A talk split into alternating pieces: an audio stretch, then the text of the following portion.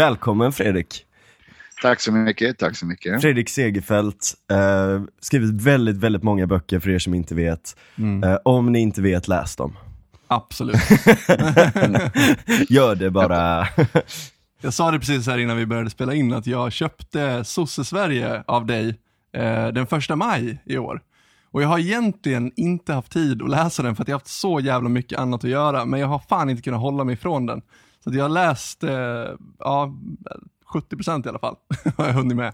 Det låter trevligt. Ja, det var det verkligen. Det är en sån, liksom, man sätter sig och läser den och så vet man att man kommer bli arg. Och Nej, men det är så och, och jävla puttra. härlig energi i den boken. Jag blir glad när någon har sån jävla passion och bara så här uh, feeling alltså. Det är lite mer så här när man lyssnar på musik och man känner att den här personen som spelar verkligen menar det, det den uttrycker liksom. Jag ville mest korrigera en massa missuppfattningar som finns i Sverige om det här. Det var mest därför Mm. som Ja. jag skrev boken. Ja, det, det gör du. kan man ju säga. Ja men det är verkligen, jag minns när du släppte den så var du föreläste i Göteborg för oss.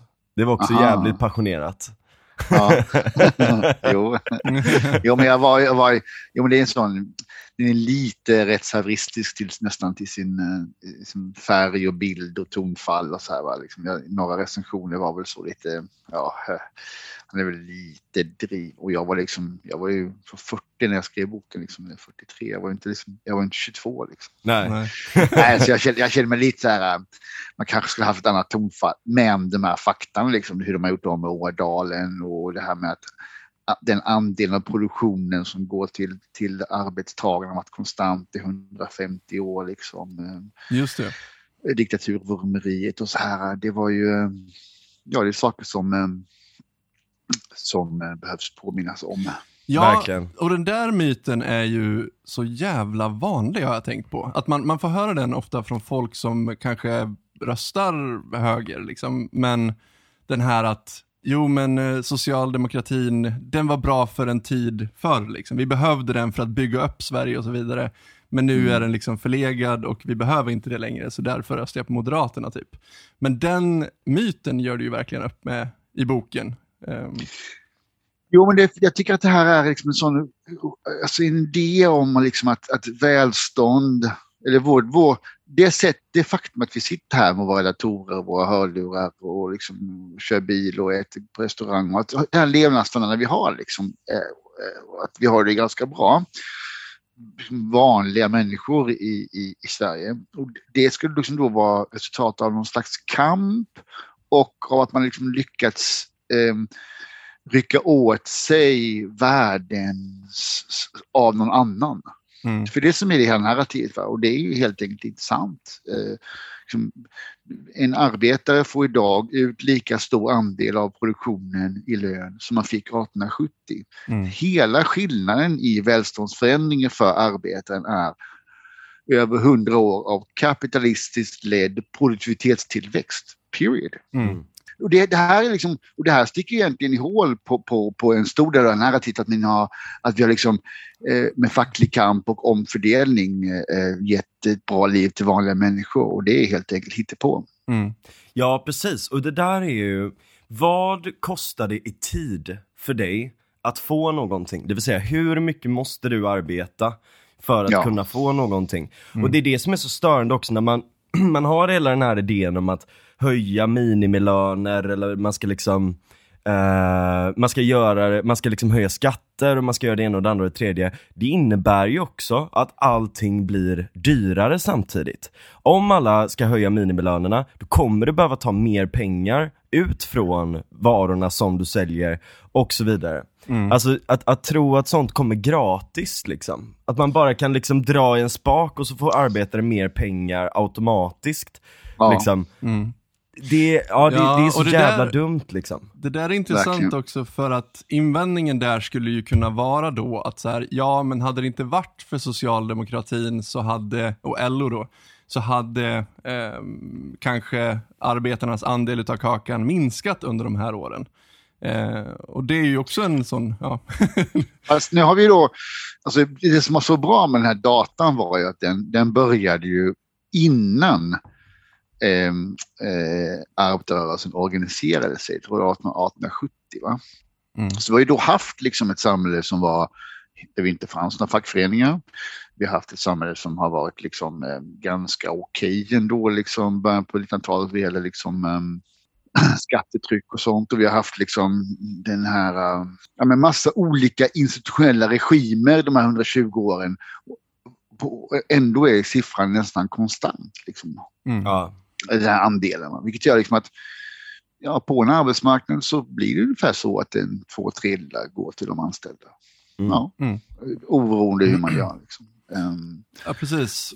För jag tänkte på det, du, tog- du tar ju upp det i boken just det här med fack, eh, hur många som är fackanslutna i USA respektive Sverige under den här tiden. Och så har du jämfört Mm. liksom hur stor andel utav kakan arbetare får ut i, i USA också. Och då borde Ja. man tänka liksom att med, med den tankemodellen som sossarna har så borde det ju vara så att eh, andelen som en amerikansk arbetare får ut skulle vara mycket mindre då än vad en svensk arbetare får ut. ja, Mm. men nu hävdar de ju att den här lönandelen har ju gått ner eh, strukturellt i stora, delar av världen och särskilt i USA då de senaste eh, decenniet eller vad det är. Va? Ehm, och det tror inte jag har med i boken. Så det, och, det och där kanske de har rätt då, att det är så att ehm, det har skett förändringar i USA.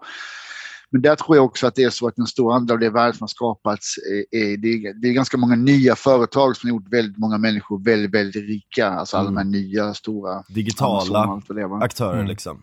Så kanske är så, jag vet inte, men jag har inte tänkt på det. Men eh, nej, precis, nej, men det känns som att um, det, det, det, där bygger, mycket, stor del av, av narrativet är falskt och föreställningarna är helt enkelt eh, ogrundade och det verklighetsbilden är en chimär. Mm. Mm. Jag, jag tänker det där om, om eh, vad heter det, ehm, eh, om du jobbar ju på en USA. organisation som, som har som affärsidé att skriva kollektivavtal så det måste säga att kollektivavtal är bra. Ja. Ja men det är väl bättre det än att vi har liksom statliga minimilöner i alla fall kan man ju lugnt Ja. säga. Ja. Ja, och att man kommer till att att man kommer överens hyfsat liksom, så att det inte blir någon revolution liksom. Mm. Det, det känns, känns tryggt faktiskt, att, Mm. att det finns också. Mm. Men, men jag tänkte det här med USA då med, ehm, med liksom det här nya välståndet som skapas eh, och rikedomen som ofta går till vissa aktörer och sådär. Det är ju väldigt mycket, att ta Amazon till exempel. Alltså, du behöver inte ha jättemånga personer som får en del av kakan till exempel av att eh, bygga ut servernätverk som du hyr ut till folk som vill ha sina tjänster på det. Så eh, alltså, säg att du har en, eh, eh, du, du ska antingen ha en app och så behöver du någon som hanterar all data och processerar den. Eh, eller du har en AI till exempel som du vill träna, det kräver jätte, jättemycket datorkraft. Då kan du köpa det av Amazon. Eh, så, för de insåg att så här, okej vi måste ha tillräckligt mycket dataservrar för att klara uh, julhandeln. Men resten av året så användes inte den datorkraften så de började de hyra ut det och så insåg de fan det här är mer lukrativt. Mm. Ehm, och, och där finns det en extremt skalbarhet i liksom stor, stordriftsfördelar och eh, att det bara kan öka, öka, öka i princip. Och de här Mm. pengarna kan gå till de aktörerna som bara kan pumpa in pengar i det. Ehm, liknande företag eh, finns ju också där, i, ehm, där det är liksom väldigt high skilled labor eh, och ganska stora risker involverat som ger väldigt stor return. Eller Google som har hur mycket pengar som helst eller så vidare. Och så vidare. Eh, det är inte konstigt ur det perspektivet att det skulle bli en sån, att det kommer att bli en sån fördelning, men det är inte på bekostnad av någon. Nej, så är det ju inte. Nej, men jag, jag tycker också att det är väldigt coolt det här att, att, att eh, de USA har en liksom... Okej, då. tittar man på de största företagen i Europa så var, var, de, var det samma företag som, som 50 år sedan. Men när man tittar på de fyra av de här största amerikanska, Google, Amazon, eh, Facebook eh, eh, och Apple, va, så fanns ju inte de för 50 år sedan. Nej. Och det är ju coolt.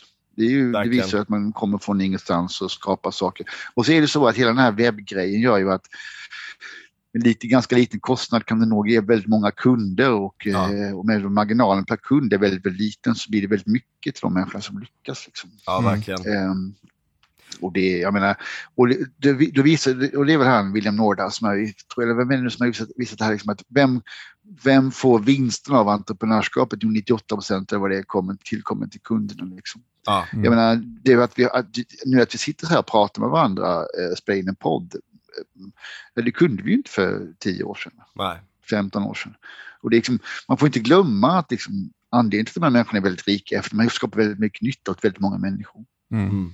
Ja men verkligen, det är superintressant det där. Och jag menar, när vi går in nu också i, i, i framtiden med automatisering och sådär så kanske vi kommer att se det mer. Alltså, Mm. typ att det finns, det kommer vara företag, det kommer finnas väldigt mycket, så att säga, fördelar att ha kapital som du kan lägga in i att bara bygga ny AI som antingen tar hand om administrativa grejer och sånt, eller robotar eller produktions, eh, alltså produktionsmässigt eller mer liksom eh, administrativt och sådär.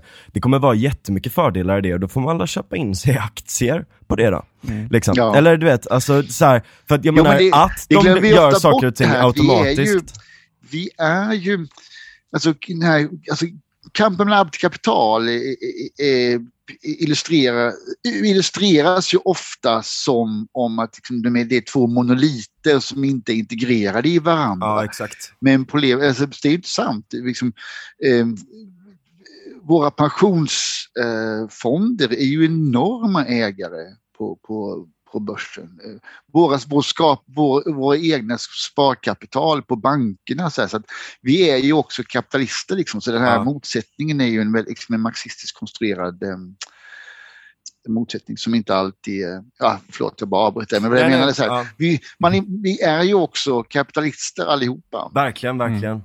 Och, och dessutom liksom det här, vad man ser och vad man inte ser i, i det liksom, att, att saker och ting blir billigare och mer effektiva och allt sånt där. Och för att fortsätta på Bastia-spåret liksom, alltså Mm. varför skulle vi, om man ska nu citera honom, eh, så... Eh, Så- helt öppet.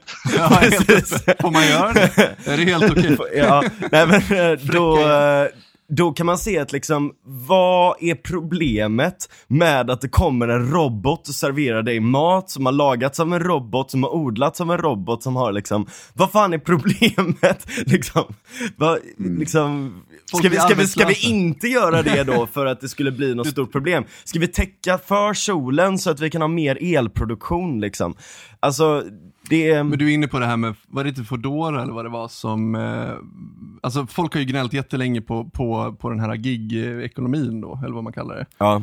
Eh, och sen var det väl Foodora som har skapat de här robotarna som kör ut mat till folk. Då blir folk Ja. arga på det för att det tar ifrån folk jobbet. Man bara, men vad fan, hur ska ni ha det? Ja, jag ska sparka Ja. den, jag ska förstöra den. Alltså det är så här: okej, du är alltså en ludit. Det är liksom, Ja. det är ingen skillnad, inte ens liksom ironiskt liksom. Nej, men och där är ändå, tycker jag, att alltså, vi har en stor fördel där, att vi är liksom då early adapters. Jag ska inte prata svengelska. Vi, liksom, vi, vi anammar ju trender fortast. Det är vi och japsen och, och kanske jänkan liksom, som Ja. är allra först på sånt. Liksom. Mm.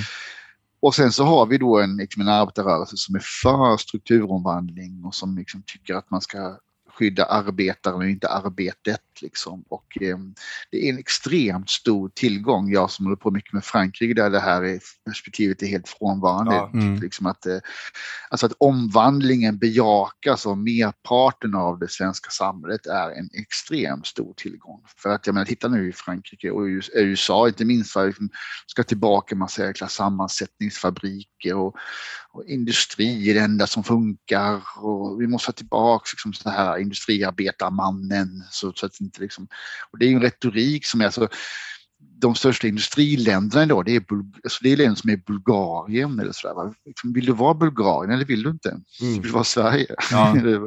Ja, eller liksom Ja, det där är- Nordvästeuropa. Jag tycker Mm. Nordvästeuropa är liksom, jag har tröttnat på USA, jag, jag tycker att det kanske coolaste vi har i världen är förmodligen Nordvästeuropa. Liksom, Holland och typ vi.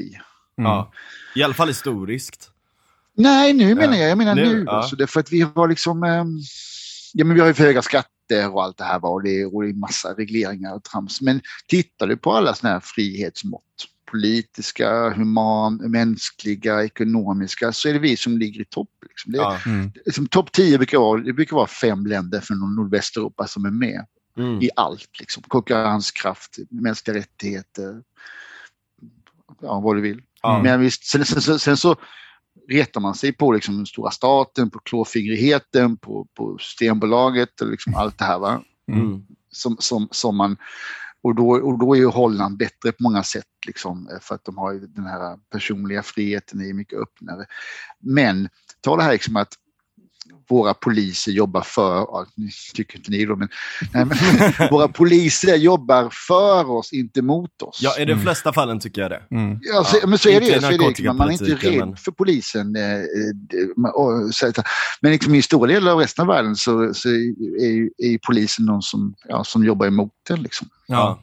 Men, korru- vi, vi, vi är okorrupta, vi, vi, vi har en öppenhet, en transparens i samhället. Så att vi liksom har massa, massa styrkor. Ehm, jag, liksom att, ehm, det nya Hansan, jag tror att ehm, det var som när jag jobbade åt Gunnar Hökmark så brukade vi alltid prata om att ehm, runt Östersjön ligger liksom fem av världens tio mest konkurrenskraftiga ekonomier. Liksom. Mm.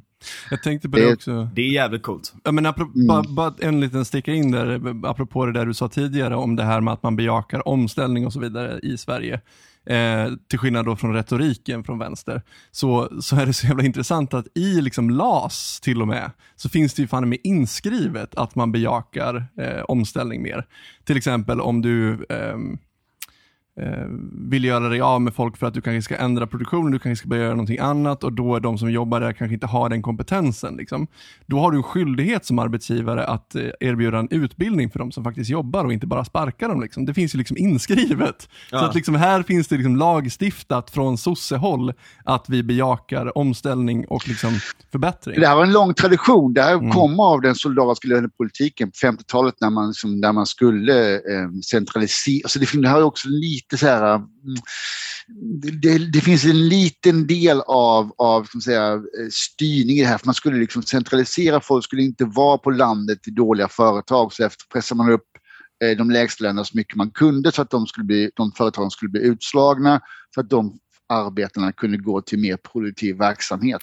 Mm. Ehm, så- I det fanns ju en dirigistisk ådra men Mm. samtidigt var det den idén att, att omställning och utbildning är mycket bättre än att skydda jobb som ändå inte kommer att hålla i längden. Mm. Det har liksom sen blivit en styrka eftersom om, bejakandet av omställning var en, en sidoeffekt av, av den, den um, grundidén. Mm. Visst, Men- bara så här kort och koncist så är det ju bra, tycker jag, att man, att man fokuserar på det där att man kanske inte ska skydda själva liksom jobbet i sig, Mm. utan den, alltså inte arbetet utan arbetaren. Mm. Och ge den här möjligheten att liksom, okej, så här, du, du behövs inte riktigt längre på din arbetsplats liksom. Av olika skäl.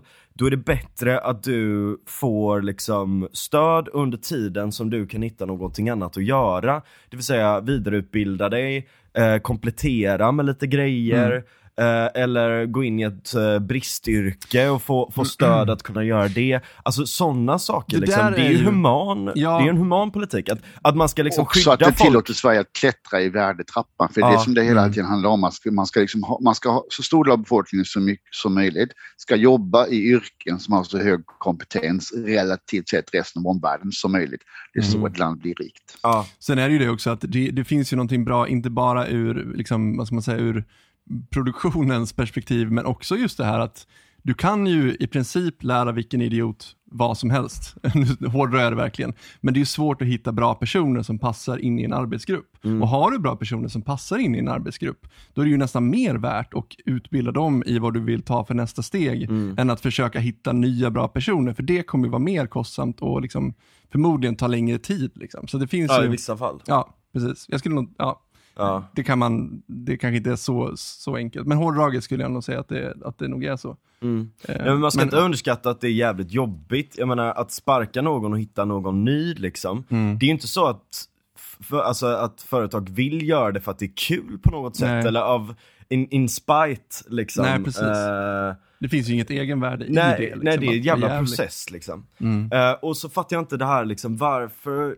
liksom, varför ska man ha en modell där det är svårt att byta jobb Och att det på något sätt skulle vara en trygghet liksom. Det vill säga att om du inte trivs på din arbetsplats, om, om din chef inte gillar dig till exempel och Mm. vill sparka dig.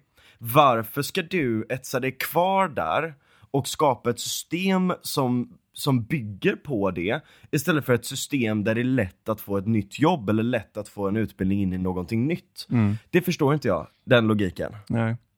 Nej men den, den, det, det, det är väl mest en retorik som sagt.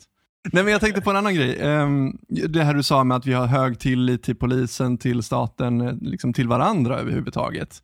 Eh, Är inte det någonting som eh, socialdemokratin har, har bidragit med? Att det finns en jämlikhet i, i Sverige och att, nu ställer jag en fråga som jag vet att du, alltså, Ja, som jag själv inte riktigt tror på. Men, men att det finns en jämlikhet och att det är det som gör att vi har en, en tillit till varandra.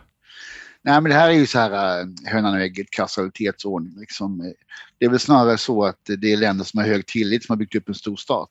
Mm. Ehm, Ja. Och det, här, för det är så här liksom att den här stora välfärdsstaten och den stora staten, de kommer ju av liksom, när vi når en viss, viss inkomstnivå så tenderar stater att utöka liksom sin, sin offentliga sektor. Därför att man har, man har redan så mycket pengar, alltså privat konsumtion, att man tycker att det är värt att lägga det. Och, den privata konsumtionen kommer då för att vi har haft tillit och väl fungerande institutioner initialt, vilket gett ett välstånd, vilket sen ger en, en, en välfärdsstat. Och sen samtidigt är det också så att det är ju i samhällen där man inte har fusk som grundinställning som man tycker att det är värt att ordna kollektiva saker. Jag har liksom Mm. haft kontakt med samhällen där man har fusk och utnyttjande som grundidé och det, det gör ju eh, Ja, det, är- det är väl mycket svårare att bygga upp en sån stat då.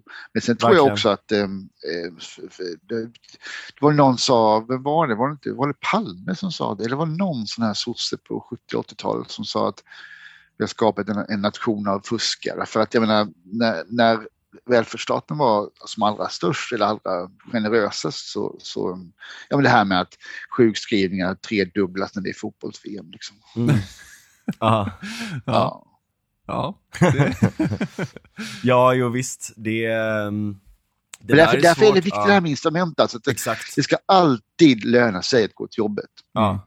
Alltså det, man måste hela tiden vara, vara noga med det. Därför Ja. att, ehm, Och där är det Så- skillnad mellan liksom social ingenjörskonst som är tvingande och liksom naturliga, ganska naturliga incitament liksom.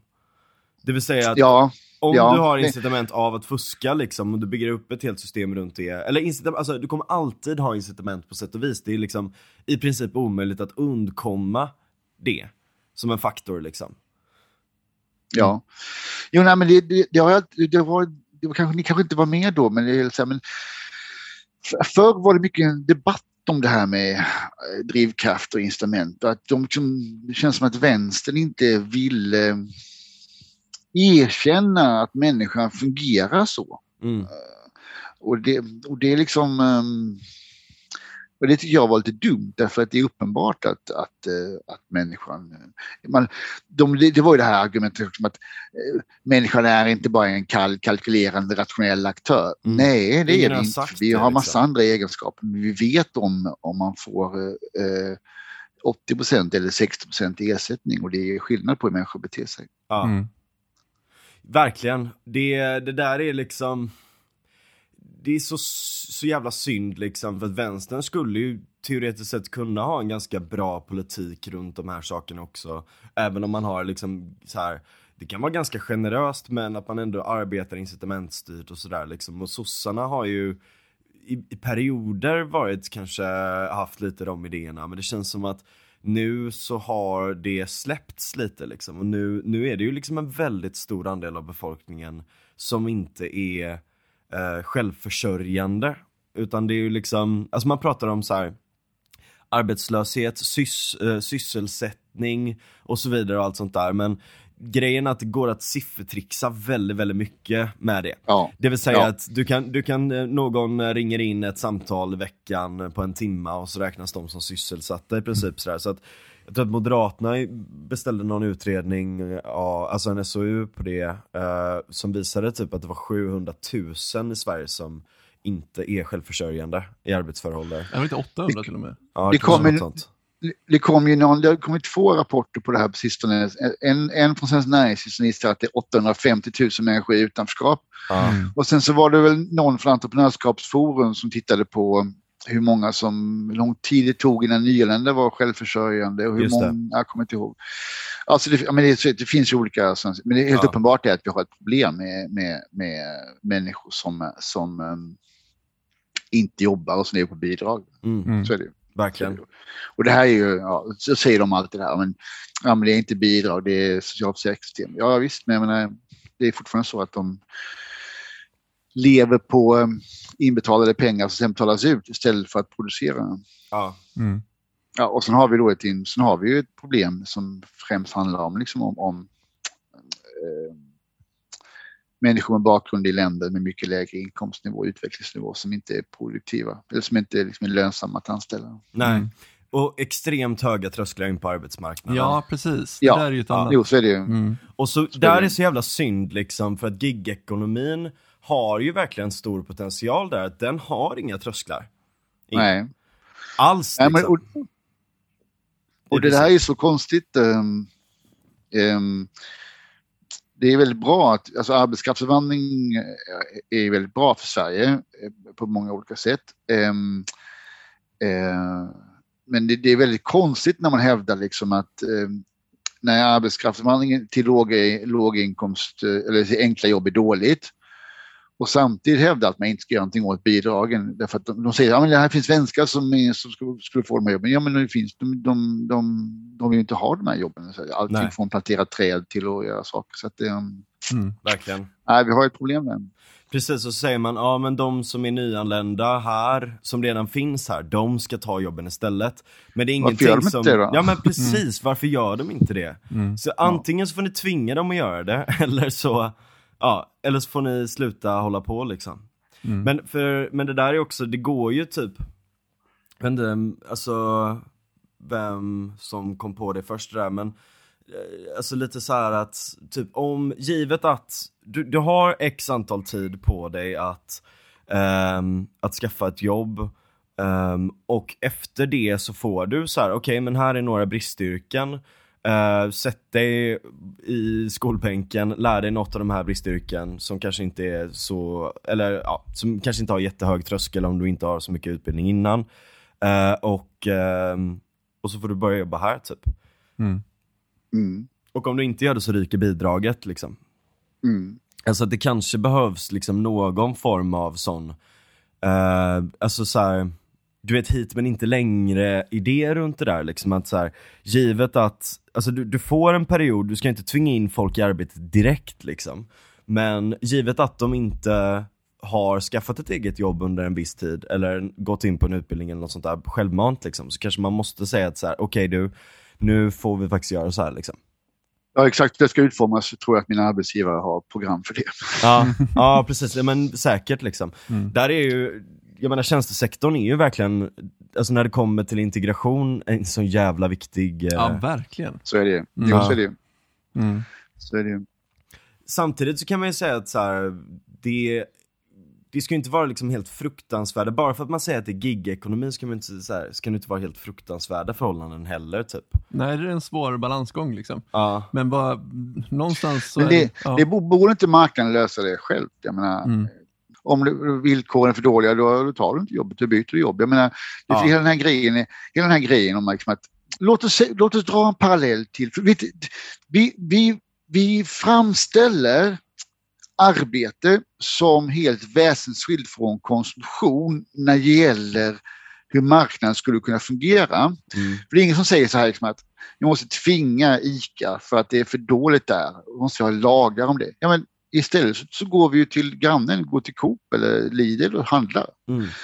Det är väl samma sak där. Om liksom ett av de här gigföretagen ger för dåliga villkor, då byter man till det andra gigföretaget som ger bättre villkor. Varför, Ja, varför tror vi inte att marknadsmekanismerna på arbetsmarknaden skulle fungera likadant? För det är Verkligen. inget som säger, vi ställer oss inte utanför ICA och demonstrerar för att priset på mjölk är för högt. Vi går till Coop istället. Mm. Då kan man säga så att ja men marknaden, det är många fler transaktioner när man handlar Så att liksom, det är svårare att byta jobb än att byta butik. Så att transaktionen, transaktionskostnaden är för stor och därför är det inte lika många transaktioner och därför blir marknaden mindre effektiv. Ja, det är ett bra argument, men det är fortfarande så liksom att det vore bra för alla om det var mer transaktioner på arbetsmarknaden så att Verkligen. den blev mer som en marknad. Och gigekonomin är ju verkligen så. Ja, Alltså där har du ju, alltså på, jag menar samtidigt som, som du kanske inte kan bli garanterad arbete hela tiden så har du ju ingen plikt heller att, att arbeta. Eh, att du kan Nej. hoppa in när det passar att köra och så vidare. Sådär. Mm. Typ Ja, om, jag har alltid funderat på, jag har haft liksom en vision av hur ett samhälle ska fungera och då har jag liksom tänkt mig tusen små pluppar på ett vitt ark som åker omkring sig i cirklar. Det är bara, det är bara helt orimligt. Och ibland sätter de på varandra. ja, Och varje gång de sätter på varandra så är det en transaktion. Ja, Och, liksom, och den transaktionen kan ju vara social eller ekonomisk. Och så, va? Eh, men, men istället har vi valt att organisera samhället i stora, stora kluster. Så, här, där, och så ska man, liksom, de här- de här grejerna vara fasta. Men ja, varför, varför ska det vara så? Verkligen. Det är någon slags så här postmodern bild jag har av hur samhället skulle kunna fungera som metafor. Risom eller något sånt där. Ja. Mm. ja, nej men jag håller vet med. Det är, mm, alltså, vi är ju väldigt, väldigt nätverksstyrda människor. Mm. Ehm, så att, jag menar, ja att man bygger mer starkare liksom, om man ska använda till exempel Nile Fergusons eh, eh, metafor där med the tower and the square liksom. Ibland bygger vi torn, ibland bygger vi liksom företag som är ganska hierarkiska och stabila och sådär liksom. Ehm, men vi är ju också ute på torget en hel del också liksom, de här mer platta Ja. strukturerna och allt sånt. Och när man bygger för mycket hierarkiska, mm, liksom bara sådana stora monoliter överallt liksom, då blir det inte så dynamiskt och det blir liksom extremt hierarkiskt och så vidare. Ehm, och, och där är ju verkligen så här, någonstans så måste man ju se till det att utvecklingen är inte bara top-down, den är väldigt mycket bottom-up också liksom. Mm. Mm. Mm. Men så, alltså, man ska inte komma... ehm, det finns ganska många väldigt stora företag då, som är det som Torn, va? som är oerhört dynamiska, som, har, som är extremt förändringsbenägna och så Mm. kommer det liksom innovationer och saker. Ta, liksom, ja, men, ta Ericsson tycker jag är väldigt bra exempel. Ja, mm. Ericsson som, som är så här, för, för 15 år sedan så förknippade vi det med här flipptelefoner som var väl sådär. Va? Men de var Mm. väl så här, vad hade de? De fyra, femma i världen liksom. Mm. Mm.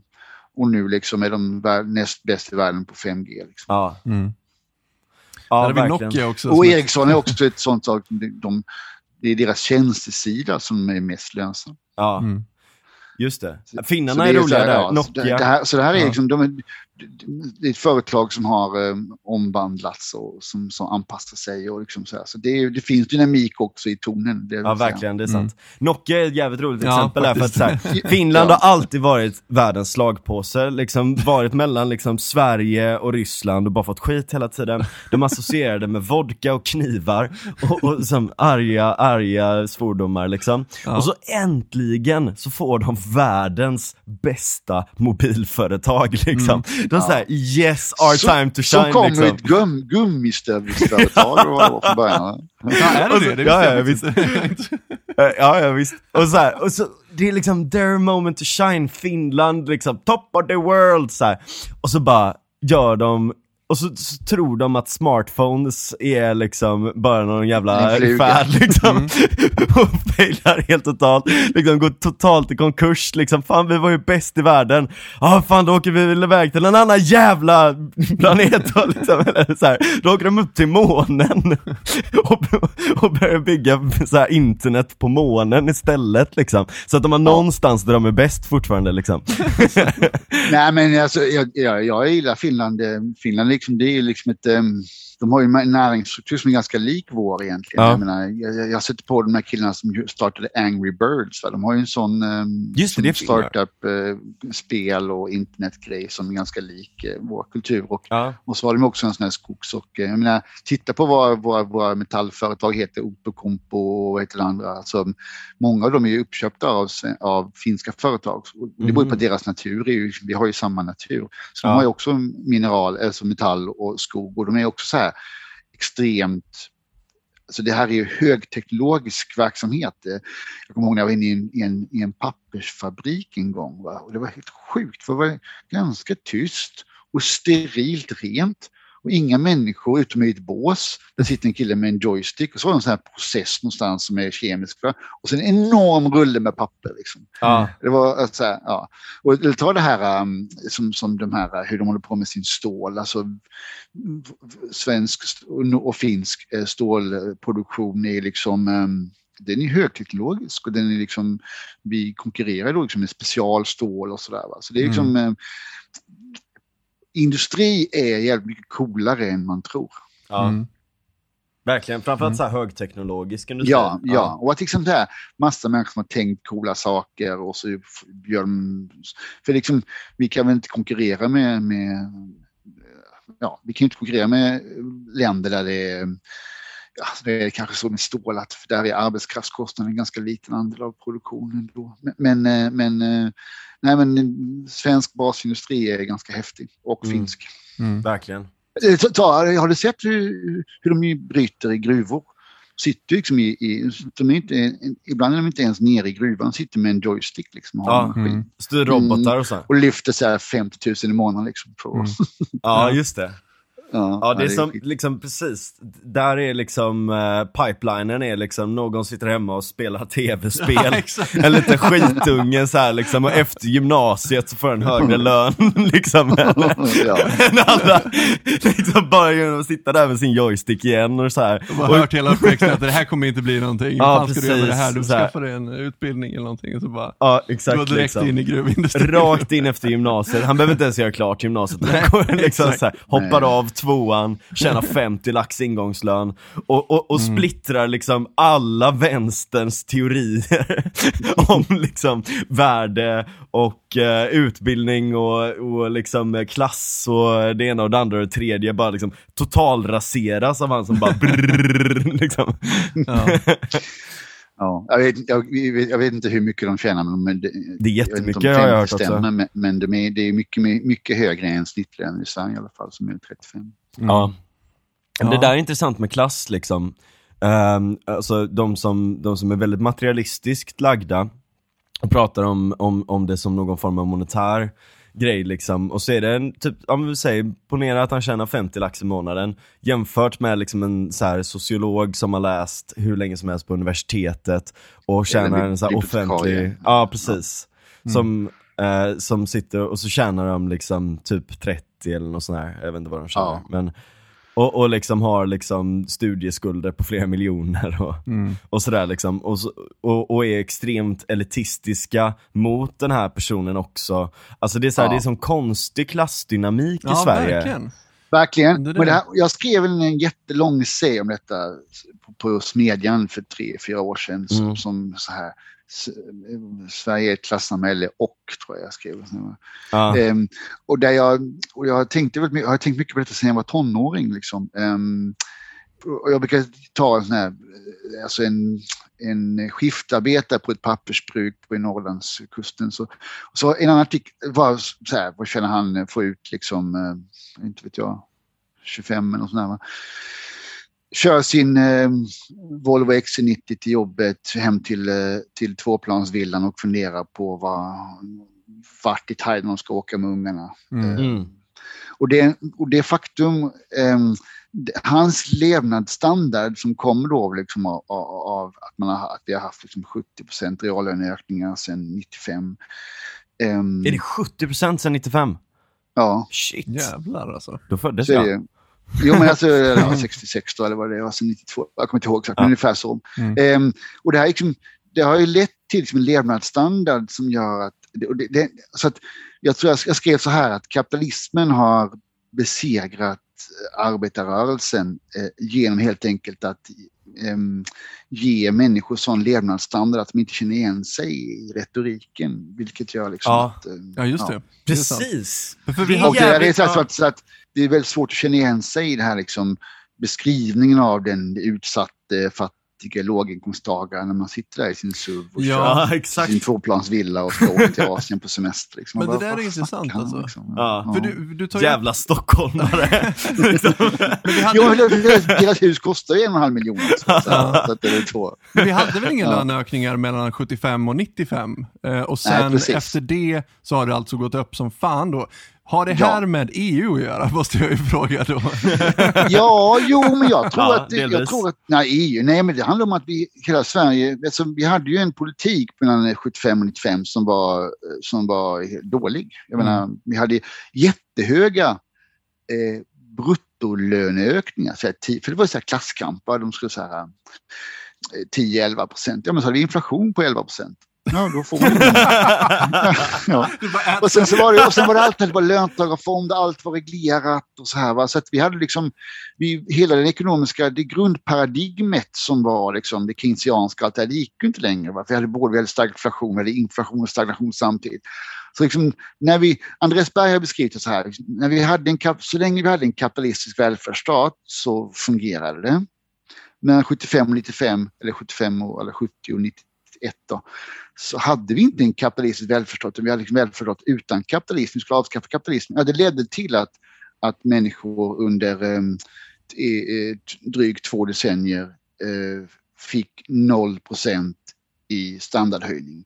Mm. Och eftersom omvärlden hade standardhöjning så var då vi gick det här klassiska fallet i välståndsligan från plats 4 till plats 13. Jag brukar skriva så här. Vi var som Schweiz ungefär, alltså ett av världens rikaste länder. Och när vi var färdiga med det här proje- eh, experimentet i socialism så var vi som Italien, alltså ett iland på dekis. Mm. Men sen så hade vi en reformvåg där från slutet på 80-talet eh, fram till 95 liksom, som var extremt omfattande och vi har, jag tror många har glömt hur eh, enormt förändrat Sverige blev under den tiden. Alltså det var enorma saker som förändrades. Från liksom ha allting var förstatligat till, till löntagarfonder och alltihopa till de här, de här eh, avreglerade marknader, ehm, um, sälja ut företag från, äh, sälja företag från staten, um, strama upp bidragssystemen, um, gå med i EU Mm. och införa valfrihet liksom också då i, i, um, i välfärdssystemen. Det här var liksom en våg eh, som, som gjorde att Sverige numera är mer liberalt än snittlandet i Västeuropa. Mm. Och innan var vi, så vi var ju ett undantag, vi var ju ett socialistiskt undantag och nu är vi ett liberalt undantag. Och det har också gjort att vi liksom har vuxit lite snabbare än de andra länderna. Vi har återkommit till fattigt och vi tillhör ju samma kluster, liksom levnadsstandard som Holland, Danmark, Österrike, Mm. Tyskland och så här, så Nordvästeuropa på något sätt. Mm. Eh, Och EU-medlemskapet och inre marknaden var ju en del i dem, eh, en del av samma paket och samma tid, vilket gjorde liksom att eh, vi- vi har igen- fått ett samhälle som, eh, som utvecklas bra, där människor får högre levnadsstandard. Mm. Men eh, sen de reformerna som genomfördes lite av all första alliansregeringsperioden 06-10 så, så har ju Sverige gått in liksom i ett litet reformstå om man säger så. Ja, det sker lite saker nu med, med, med eh, januariöverenskommelsen men eh, Sverige skulle behöva ett nytt reformpaket för ökad tillväxt och konkurrenskraft. Verkligen. Ja, verkligen. Sådär. Vad, vad tycker du är de viktigaste områdena där? Är det liksom framförallt skatten kanske eller? För grejen är att om du, det är lite som att så här köra med fuskkoder på sätt och vis att ta in så jävla mycket skatt. Och gömma alla skatter och sådär också liksom att ja, Ja. det går ju såklart att peka på en del saker och ting som är bra eh, som vi får ut av skatten idag. Men den är ju helt sinnessjukt hög. Alltså det är omöjligt liksom att, att man inte skulle få ut någonting när mer än hälften av ens inkomst går i skatt liksom. Ehm, Nej, men det är ju en, det är ju en, jag tycker skattetrycket är en sån central fråga som, som, ja, som är, liksom, vi har världens fjärde högsta. ja. Ehm, 44, komma någonting, tror jag är nu. Va?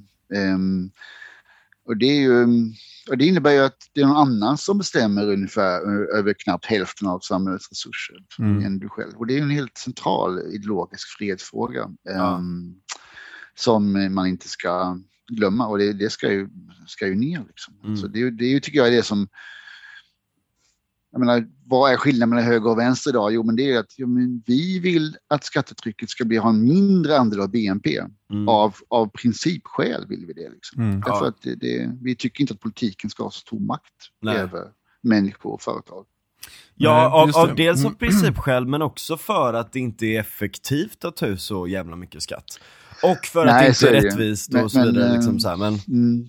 Men jag menar, ju, det, det finns ju liksom, så här, de, de håller på nu på, liksom, de ska ju öka kapitalskatterna och sådär. va? Och så Ja, har vi det här med exakt. arbetsgivaravgifter som är, ja, de säger då att det är ingen skatt. Jo, men det finns en helt stor andel av arbetsgivaravgiften som inte går, som inte är kopplad till någon förmån. ja. Mm. Det är ju en uppenbar skatt, men det är också en skatt för det räknas ju som skatt i regeringens budget och det klassas ju där. Så det är ja, är ja, ja, det är ju en skatt. Nej, men så det finns ju massa saker. Skatten ska sänkas, period. Ja. Liksom. Ja, men det där Och är där tycker jag, Mm. jag såg någonting om, jag såg någonting på Twitter i morse om att Emil Källström, tror det var, jag vet inte om det var en ny eller en gammal eh, uppgift, men han vill ju ner till OECD-snittet i skattetryck. Och det är Just ju det.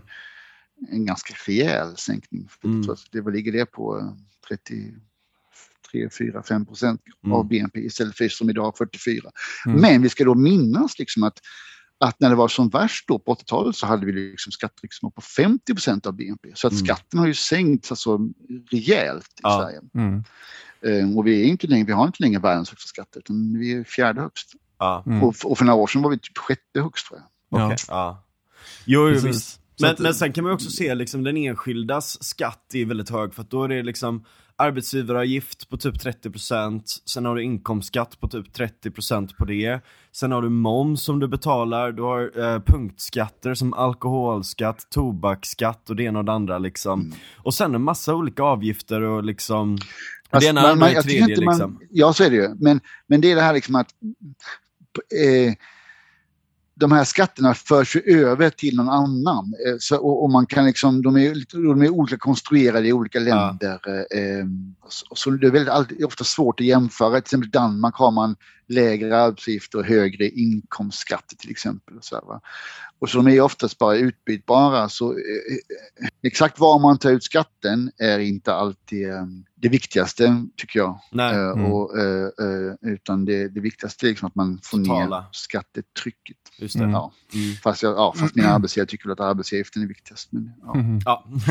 Men jag tänkte på det, just i det här i mitten av 90-talet när man gick med i EU och så vidare, så, så parallellt med det att, att vi fick det bättre rent ekonomiskt, har fått det bättre sedan dess rent ekonomiskt, så blev ju inträdet i, EU också eh, mer av ett skydd för, eh, alltså mer ett juridiskt skydd för den enskilda individen också som vi inte hade haft på samma sätt. Så kan man argumentera att vi har väl så här, Europakonventionen och allting sånt här, det var ju långt tidigare. Och jag menar visst, och EU bygger väldigt mycket på, på det.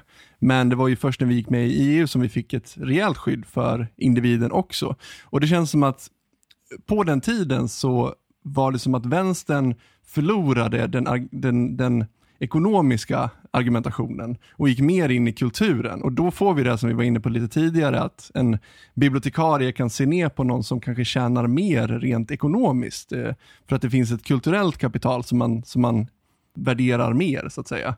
Och sen har ju det mynnat ut någonstans i kulturkriget som vi har befunnit oss i nu, jag vet inte hur länge. Men nu tycker jag mig se på vänsterkanten ett nytt, ett, ny, ett nyväckt intresse för ekonomi och man går på de här friskolereformen är ju en stor sån, liksom vinster i välfärden är man ju, det är liksom den största frågan just nu. Mm. Och man börjar prata om nyliberalismen igen, att det, att det var det värsta som har hänt, liksom, trots att man har dödförklarat den, jag vet inte hur många gånger nu. Ja. Så det tycker jag är Jag, lite jag undrar om inte nyliberalism har varit en konstant kritik. Jag tycker att jag har hört det Ja.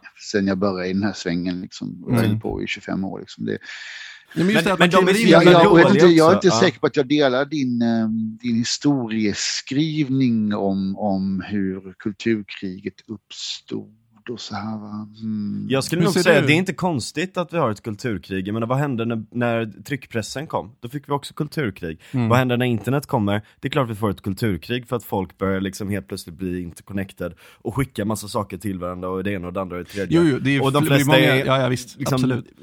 Gemene man är mer intresserad av liksom kultur eller kulturella sociala frågor än kanske ekonomiska frågor liksom. Så Ja, det kommer Jo, att men det är pratas väl, mycket väldigt, om. väldigt liksom. hårdraget såklart. Men, men Ja. hur är din syn på kulturkriget?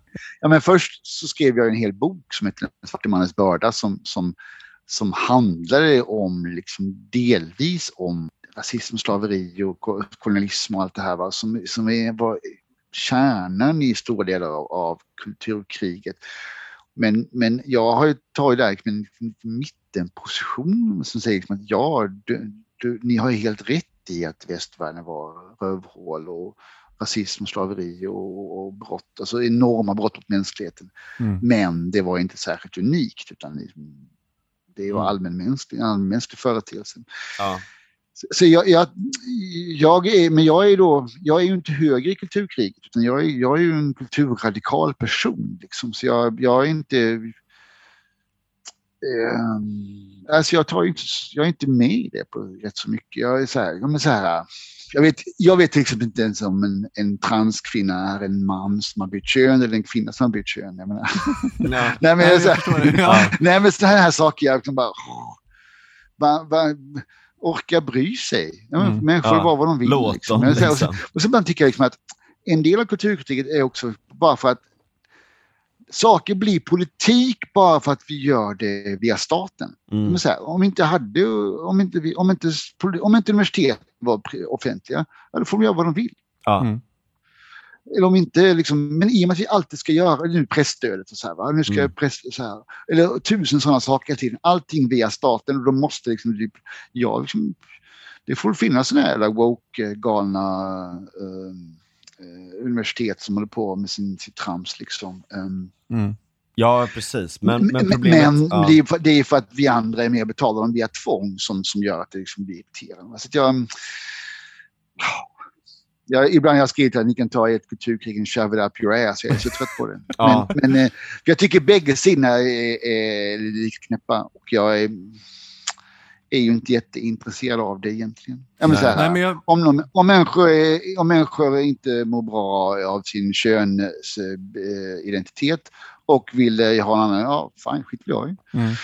Eh, men, eh, men i det aktivisterna är sen att alla måste köpa exakt rätt ord, begrepp nu och det ska vi lära dem i skolan. Så då, då, blir då, då skriker jag också rakt ut som säger, mm. fan kom igen, ni är som, ni är som, ni är som så här maoistiska sekter på 60-talet som sitter mm. och skriker åt varandra. Så, här, så de är liksom, så jag har en mitt mittenposition, jag retar på bägge sidorna och jag tycker mm. liksom att, eh, och de här filmerna Det är rimligt, väldigt ja. rimligt. Ja. Jo, det, så att jag, ja, ja. Egentligen, jag tycker det är destruktivt och jag önskar bara att vi kunde uh, Folk får göra vad fan de vill. Sänk skatten och håll käften. Liksom. ja, precis. Jo, jag håller med, jag kan verkligen sympatisera med den ställningen. Jag har också ja. tänkt den tanken väldigt ofta när man pratar om eh, folk på, ja det är väl mer kanske Sverigedemokrater och, och det liksom som pratar om så här, vi ska inte ha multikultur. Och sen har vi de på vänster som säger, vi ska ha multikultur. Jag känner bara att så här, men det här är en naturlig sak, låt det vara. Liksom. Vi måste inte styra ja. det här. Det är ingenting ja. som måste kontrolleras uppifrån att vi ska ha det ena eller det andra. Kan folk bara få göra vad fan de vill? Liksom. Mm. Att folk Precis. flyttar hit eller flyttar härifrån, det är liksom varför ska jag ha en åsikt om det? Antingen det liksom... så ska det förbjudas eller subventioneras. Ja, exakt. Allting är ja, förbjudet ja, eller obligatoriskt. Ja. Jag menar, hela, hela, min, min grund, hela min grundideologi handlar om att vi ska ha mindre politik. Liksom. Ja, ja, precis. Exakt. Och då, ja.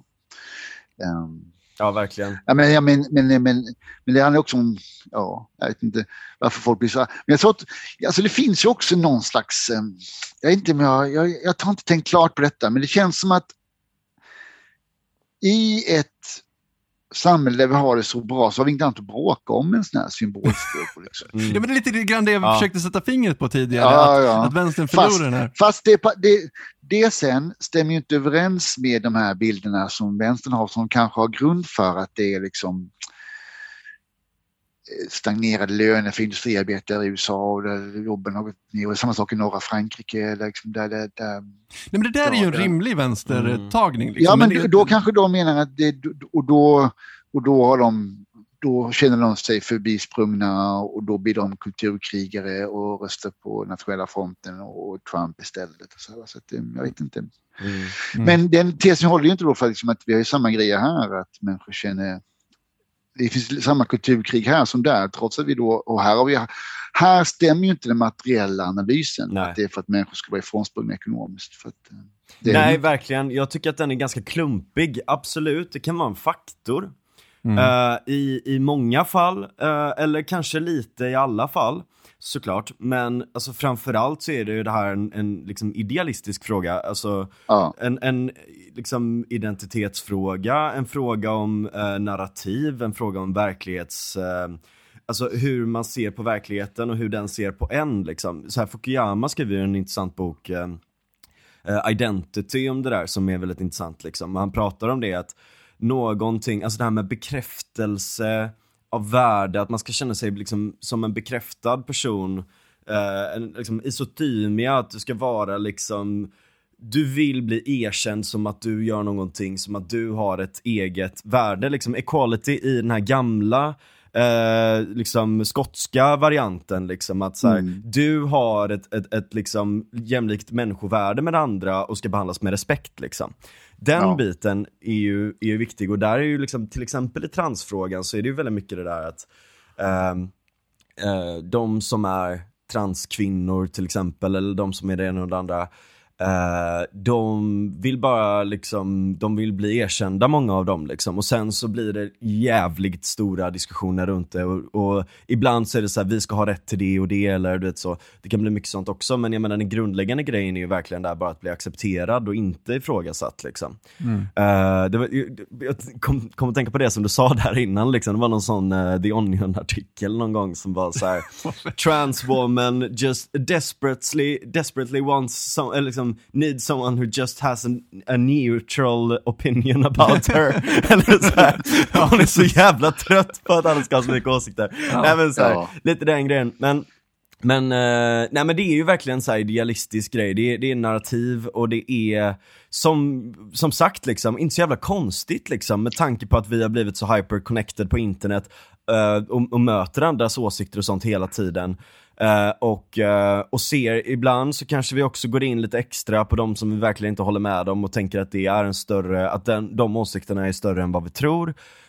Um, och så vidare liksom. Och vi har ju olika moraliska dispositioner i samhället liksom, typ moral, Uh, alltså om man säger height till exempel, moral foundations, liksom, vi, vi kommer att ha lite olika sådana. Det är också ett resultat till väldigt, väldigt stor del, alltså, såklart du har vissa instinkter och biologi som ligger bakom det, men det är ju väldigt, till väldigt stor del ett resultat av idéflöde. Dels hur du är uppväxt, dels hur dina vänner har varit runt dig, dels för, liksom, vilka intryck du har fått i livet. Och jag menar idéer, hur de flödar i sociala nätverk, alltså om man bara har en materialistisk analys så kan man för det första inte se det interpersonella i nätverk, eh, mänskliga nätverk och, och verkligen inte se hur idéer flödar i det. Alltså idéer kan komma in i sociala nätverk och göra folk helt dumma i huvudet men det kan också göra dem hur bra som helst och smarta som helst och sådär också. Det, det, de fungerar ju liksom viralt, eh, alltså nästan som en eh, psykopatologi eh, som, som flödar liksom mellan vissa människor. Och ibland, eh, ibland så kan ju de vara extremt destruktiva, typ nazism eller kommunism eller det ena eller andra liksom.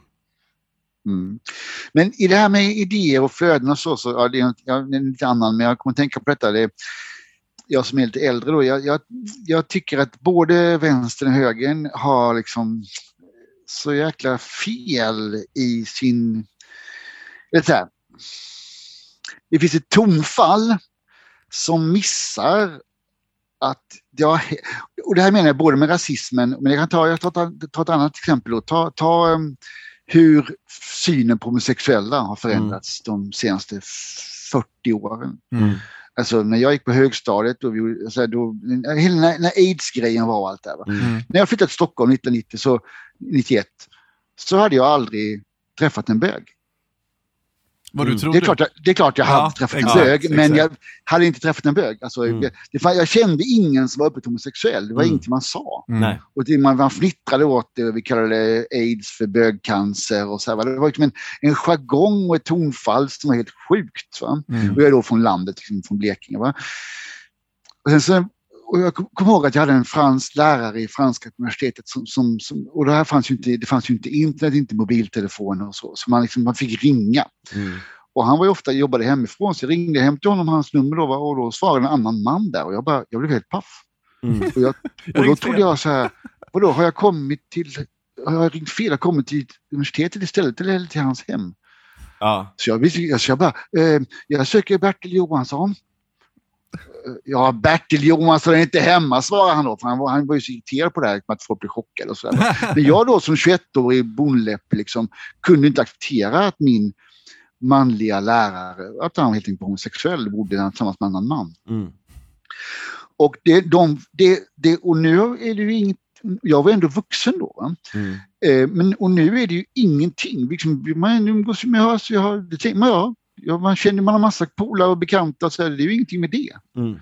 Och det är en extremt stor ska säga, progressiv samhällelig förbättring. Mm. Och det är samma sak med rasism. Det är ju helt, det är ju, alla rasismen ökar. Rasismen har minskat drastiskt Mm. de senaste 50 åren. Jag kommer ihåg min morfar bara "Åh, svartingar och jag kommer ihåg en annan, jag har en polare vars så han lyssnade på musik och så här, och hans mormor bara Fredrik lyssna på sån här hottentott musik nu igen. Och så här, så. Ja. Alltså man utpratade på ett sätt och förhålla sig och nu är liksom nu är rasismen tabu. Va?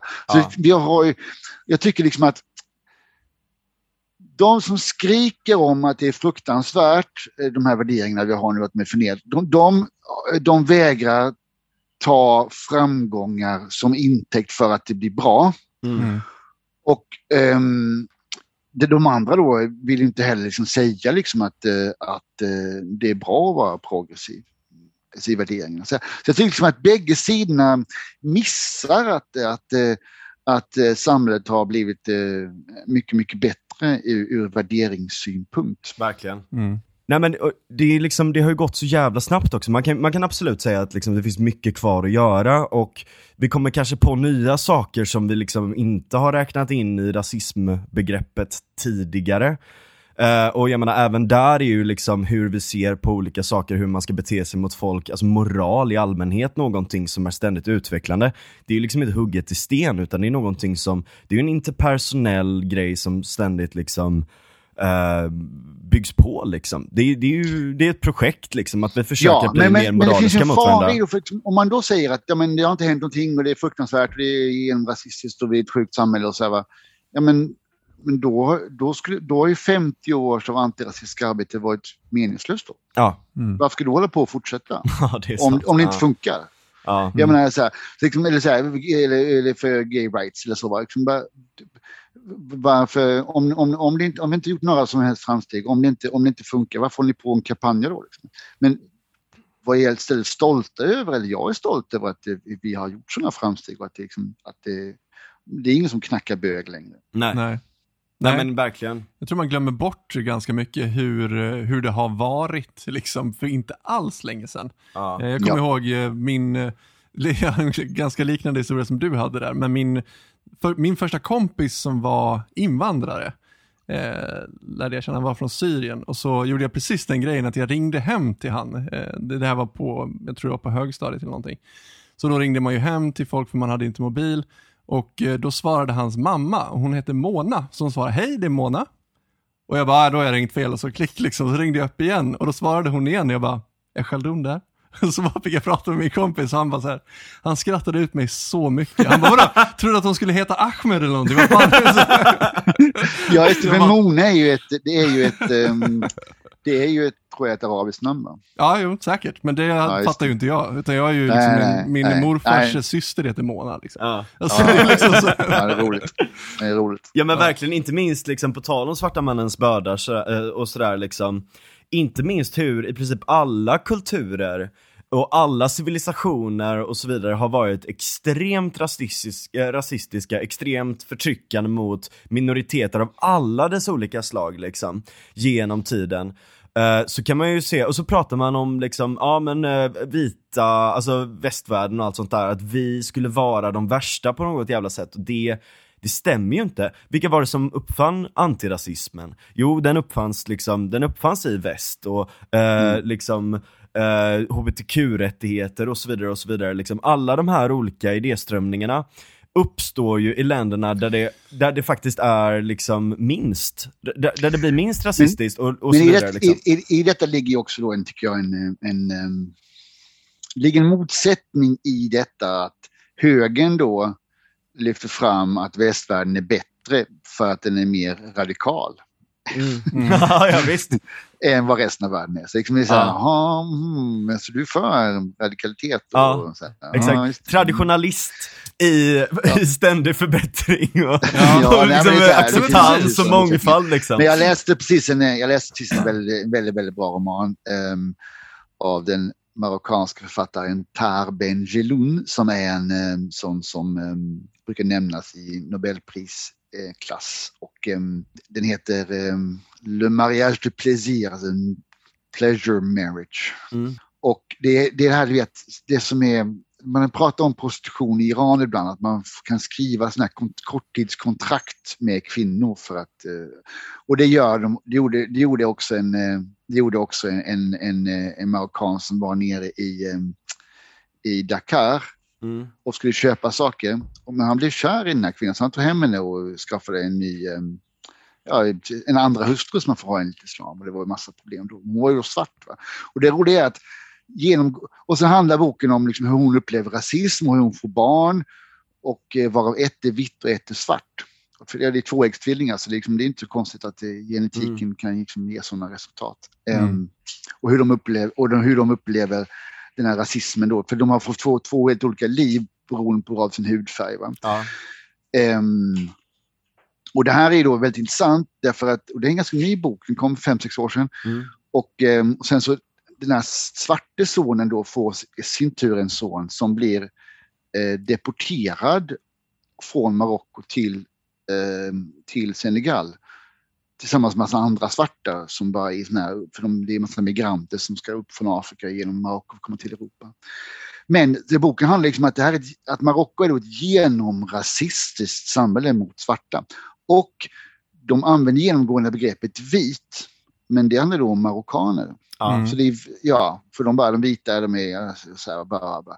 Och liksom, det är så här misshandel och det är, liksom, det är en extremt förakt. Va? Och det här är ju väldigt upplysande liksom att, och upplyftande att den, den, liksom, den vita, den onde, liksom, då är det som något som vi tycker är brunt. Liksom. Mm. Ehm, och ehm, eh, jag har också en extremt stark skönlitterär ehm, berättelse om, om rasismens liksom, eh, ondska och destruktiva kraft.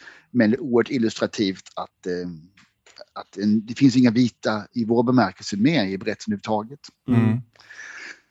Ja, Ehm, visst. Mm. Ja. Men berätta lite, du, du har liksom, du har ju verkligen gått all in på marockansk eller nordafrikansk generellt eh, litteratur. ja, jag gjorde för några år sedan så satt jag, eller så här, kommer inte ihåg om det var ett eller två år, två år sedan kanske. Så jag har läst några universitetskurser och så, men jag har helt enkelt börjat säga så här, jag ska bli expert på den nordafrikanska romanen och den är då den franskspråkiga nordafrikanska romanen. Så jag har gjort en lista på 50 böcker jag ska läsa och jag har läst 30 kanske. Och så har jag då sk- skrivit en magisteruppsats om detta och jag vill också börja eh, skriva en doktorsavhandling för att se om, jag, om det går att lösa på olika Oj. sätt. Så, Mm. Vad kul. Så jag vill skriva, liksom, jag vill disputera i franska på den maghrebinska romanen. Ja, Det är, ja. fan Men det, är, det, det, det är lite lökigt men jag, jag är också Vadå lökigt? Jag- det är väl inte Jo, men det är, lökigt? väldigt, det är väldigt smalt. Va? Ja. Och, eh, Ja. lite, det är nördigt och det är så här. Det är liksom där, aha, du är expert på lotusblomman i eh, sydöstra Borneos vänstra djungel. Liksom. Nej, men, ja, men, så här, va? men, men en, en av anledningarna, alltså det här är ju väldigt många jag har haft då flera olika intressen. Liksom. Jag höll på med intercultural studies sedan 90-talet, liksom, när jag läste det. Ehm, så kulturbyten. Jag är gift med en marockanska. Jag, jag talar flytande franska och läser mycket på franska.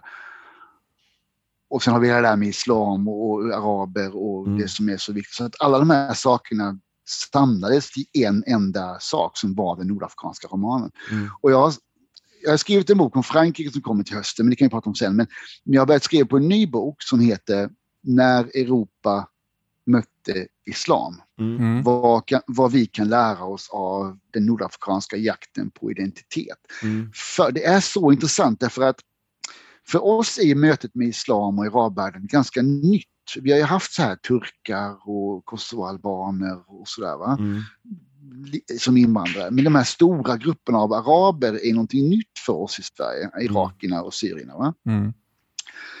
Och, så, och då, blir liksom, då blir liksom mötet med den arabisk-muslimska civilisationen så här lite yrvaken och ny.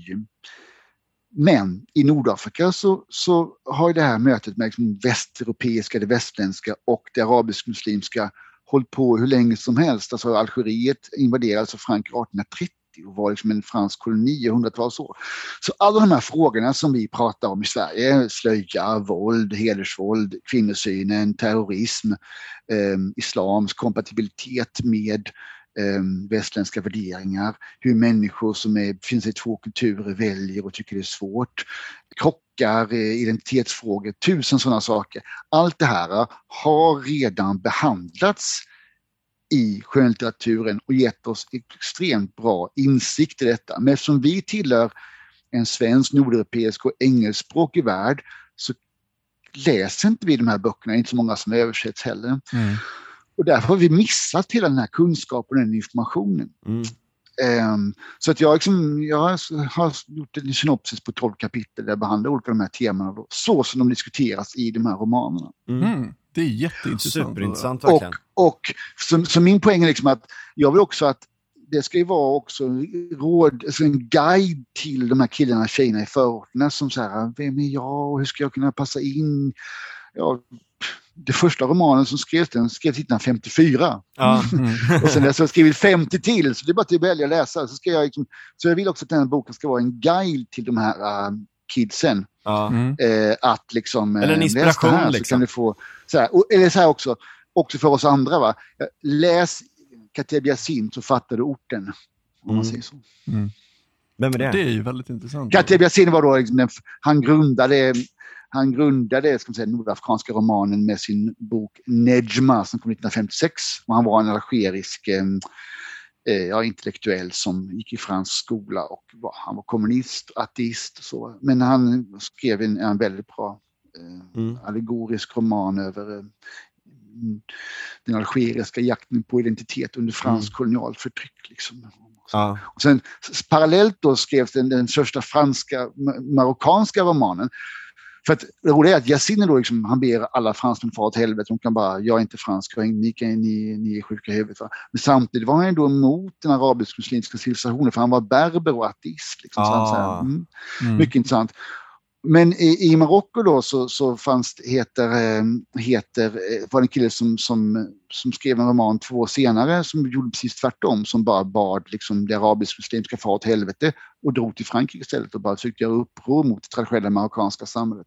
Ja. Och samtidigt var det en kille i Tunisien som var jude som gjorde att det här liksom och är jude man, är man mitt emellan. Liksom. Så ja. är man, för då är man i, i en muslimskt majoritetssamhälle mm. under fransk kolonialmakt som sen blir under Vichy, regimen, och då eh, eh, tyskarna.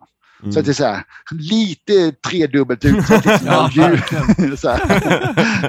det är alltid de, alltid så för judarna. Liksom. ja, ja, ja, det, det, är också en väldigt, det heter eh, Saltstoden, heter den är alldeles, det, det är Albert Memmi heter författaren. Ja. Det är en fantastisk roman om liksom, och sen vill han engagera sig, eh, när tyskarna dragit vill han engagera sig i den fria franska styrkan. Det får han inte för han är jude. Mm. Ja, ja, ja. Så bara, mm. Alltså det är så här, och sen dess, sen 50-talet har det skrivit liksom, ja, de håller på det. Och, det, och samtidigt läser jag också då, eh, det är ganska intressant att det finns ju då eh, en del av böckerna jag läser är då franska invandrare. Det finns en, ta så här Ett öga rött till exempel. Mm. Det finns ju tre sådana böcker i Frankrike som är skriven på slang som handlar om hur det var klämd och på förort sporten och allt ja. liksom. de, har ju en, de har en mer vibra, vibrerande sån ska man säga, förortslitteratur än vad vi har. Ja. Mm. Förra årets eh, största, Faizagen har ju skrivit en sån. Men förra året, det, ja, det kom ju två böcker som var viktiga bara de senaste åtta månaderna som handlar om just detta. Ja. Men är de här böckerna, finns de översatta till svenska? Nej, det är ju det va. Det är mm. några stycken. Um, Men det kanske skulle vara något för dig annars? Eller? Ja, ja, mm. ja det, det, skulle man kunna göra. Men det, man, alltså, översätta skönlitterärt kräver ju kanske, det måste man Jag har inte skrivit någonting skönlitterärt, så jag vet inte om jag skulle kunna det. Men det, det är någonting jag gärna skulle göra innan jag dör. Så är det. Mm. Men en, en del finns på svenska och en del finns på engelska. Mm. mm. Det är väldigt intressant, um, alltså um hela, det, det var ett väldigt stort uppvaknande för mig att läsa Den svarte mannens börda runt, alltså för att förstå lite mer om, eh, om Nordafrika och sådär också, för att det har varit liksom lite av en blind fläck. eh, Ja. i, i, liksom, i historien, i alla fall för mig, att jag, jag har inte liksom förstått så mycket om det innan. Och sen liksom all, allt annat också såklart om eh, över hela världen. Jag kan verkligen rekommendera er som inte har läst den att, att göra det, för det är liksom, som, som vi sa innan, otroligt bra ehm, skildringar av både liksom den europeiska eh, kolonialismen och imperialismen och dess brott, men också hur det här har pågått över hela världen med olika kulturer och sådär. Och där är ju liksom den muslimska erövringen av eh, Nordafrika ett väldigt intressant exempel på det. Eh, de är också imperialistiska eh, och kolonialistiska och så vidare och så vidare. Eh, Ja, och, det, och det här är så roligt för både Kateb Yassin och hans nuvarande motsvarighet Kamel Daoud vars bok um, eh, Meursault, kont- ja, Fallet Meursault heter det på svenska, det Mm. översatt svenska. Han är, um, frågasätter ju den arabiska identiteten. Så här, Ja. Arab, vad är det? Vi är ju inte araber. Ja, språket, vi talar ju både ka- berbiska ursprungsspråket och lite arabiska. Så här. Vi är en blandning allihopa. ja. Mm. ja, verkligen superintressant. Mm. Mm. Det tänker man inte på. Man tänker bara araber. Ja. Mm. Ja. Ja, ja, det är väldigt stor skillnad liksom. Mm. Men, eh, ja, men också det här liksom inflytandet av Frankrike och så. Där, där har du skrivit en, en, eh, ny bok om det också. Ja, ja, nej men det är, den, det är den bok som är klar som kommer i augusti-september em, som heter Frankrike en hatkärlekshistoria som är en, em, en mycket mer personlig bok än jag har gjort tidigare och som handlar mycket ja, om, om saker som jag upplevt och det är mycket, jag knyter ihop liksom mina egna upplevelser med, med Frankrikes och de människor jag träffat med, med Frankrikes problem. Så det handlar om att ja, men jag har ju då är frankofil, frankofon och älskar det här landet och kulturen så, men jag har väldigt svårt för stora delar av, av politiken. Ja. Eh, och försöker liksom säga till dem att eh, sluta hata USA, sluta hata marknader, eh, sluta älska staten, börja Mm. älska liberalismen och kom igen liksom. Ja. Frans hade en liten eh, tagning om det i förra avsnittet om varför fransoser älskar staten och tekno teknokrati. Ja. Jag vet Och, om och, det- nej, om men så här, det var liksom den här mätkonsten, det här är ju bara påhittad. Det, och det är så här, det är liksom skämmigt att sitta med dig som är så jävla kunnig när jag bara skojar liksom. Men du vet, mät, alltså metron, metronomi, alltså eh, typ, Den ursprungliga konst- metern finns ju i Paris. Precis, det precis. sa jag. De Jag- var ju liksom så tidiga, tidiga med att börja mäta saker. Eh, och sen så blev de helt besatta av det, till den nivån att liksom, de kan inte laga en liten jävla liksom, ratatouille utan att göra två millimeter liksom, när de ska skära grejer och sådär. Allting, hela det franska köket är dominerat av den här exaktheten bara. Liksom. liksom, eh, Ja precis, Ja, och, och det går även in i liksom politiken och allting liksom. Men det, det kanske inte stämmer, men det känns som att det finns en sån, att de är så jävla nitiska med såna grejer. Ja, det är inga, jag har inte tänkt på det så. Jag skulle säga tvärtom att, eh, att de mäter inte alls utan det är inga räta vinklar och det är hipp som happ och det är liksom. Min, min, min känsla av liksom, alltså när jag bodde i jag brukar alltid säga så här, när jag bodde i Bryssel, och det är Mm. inte Frankrike då, men det är ju den franskspråkiga världen och den skillnaden mellan Nordfrankrike och södra Belgien är ju det är ju en väldigt flytande gräns där. Jag brukar alltid säga att jag åkte liksom 10 mil norrut på söndagarna för att till Antwerpen där de talar ett germanspråk för att få se en rät vinkel. Alltså, ja. ja men det där kanske är mer liksom Det är nog Ja, mer men- nej, men tyskt så här, eller nej, så men germanskt liksom. Ja, men jag tror nog att liksom, hela den här, äh, alltså den tyska ingenjörskonsten, exaktheten och så här, va, en, en fransk Peugeot, det bara skramlar ju om den. Liksom. Att jag skulle nog säga tvärtom. Ja, Men kan du det inte ha lite rätt. grann att göra med att vi kommer ju från liksom Sverige som är typ en nordtyskt land, med Ja. liksom, eh, eller vad man ska säga, typ en tysk delstat eller vad man ska säga. Eh, eh, så att vi har ju det här extremt mycket, kanske av andra skäl. Liksom. Så att när vi tittar på Frankrike så tycker vi att de är, ja men det är ingen jävla ordning överhuvudtaget. Liksom. Men att det ändå finns där, men att vi kanske är lite mer blinda av det, för att vi kommer från en mer extrem tillvaro än vad de gör. Eller? Ja, men så vi, är, vi är ju ett ingenjörsland. Liksom. Mm. Det är inte de. Nej. De är ett konstnärsland. Ja. Ja, det kanske är sant. Humanister bara liksom. Ja. Ja. Ja, det föll den tesen. Men hur kom det sig att du blev, eh, hur, hur, hur kom det sig att du blev frankofil? Vad är, det, vad, vad är din liksom dragning till Frankrike? Var kommer den ifrån? Nej, det, är, det, är, det var ett rent sammanträffande. Det var så att jag, på 80-talet då så var det lite coolt att åka till high school på Mm. utbyte i gymnasiet. Då sa jag till min pappa att det vill jag göra för det skulle vara coolt. Liksom. Så sa pappa bara, alltså jag slösar med pengar och tid. Du kan redan engelska. Ska jag betala det så ska du åka någonstans där du lär dig något. Mm. Och då var det ju mitt, jag hade ju läst andra, mitt B-språk som hette på den tiden, så andra språket efter engelska var franska. Så jag bara, ja, då åkte jag till Frankrike. Jag hade Ja. liksom ingen relation till det alls. Du har R'n gratis också. Ja, det har jag också tänkt på. Ja. Precis, det här, är, eh, det här är nästan det första som fransmän hör på brytningen är huruvida r kommer naturligt eller inte. Ja. Mhm. Det är jätte, jättesvårt att lära sig säga Det är så jävla svårt. naturligt sätt. Ehm, Men för oss sydsvenskar så är det ju en stor, det är en stor grej. Men det roliga är liksom att det fanns, eller kanske inte, det kanske är utdött nu, men det fanns alltså en bondläpp i Frankrike på vischan när de ska härma en sån, då gör de tungspets R. Aha. Så det, så det finns liksom i, eh, i, ehm, ja, i bonddialekter. Liksom. Aha. Det, och det är ju liksom motsatt. Lite tvärtom här. Ja, ja, ja, ja precis. Fast, fast det, här med...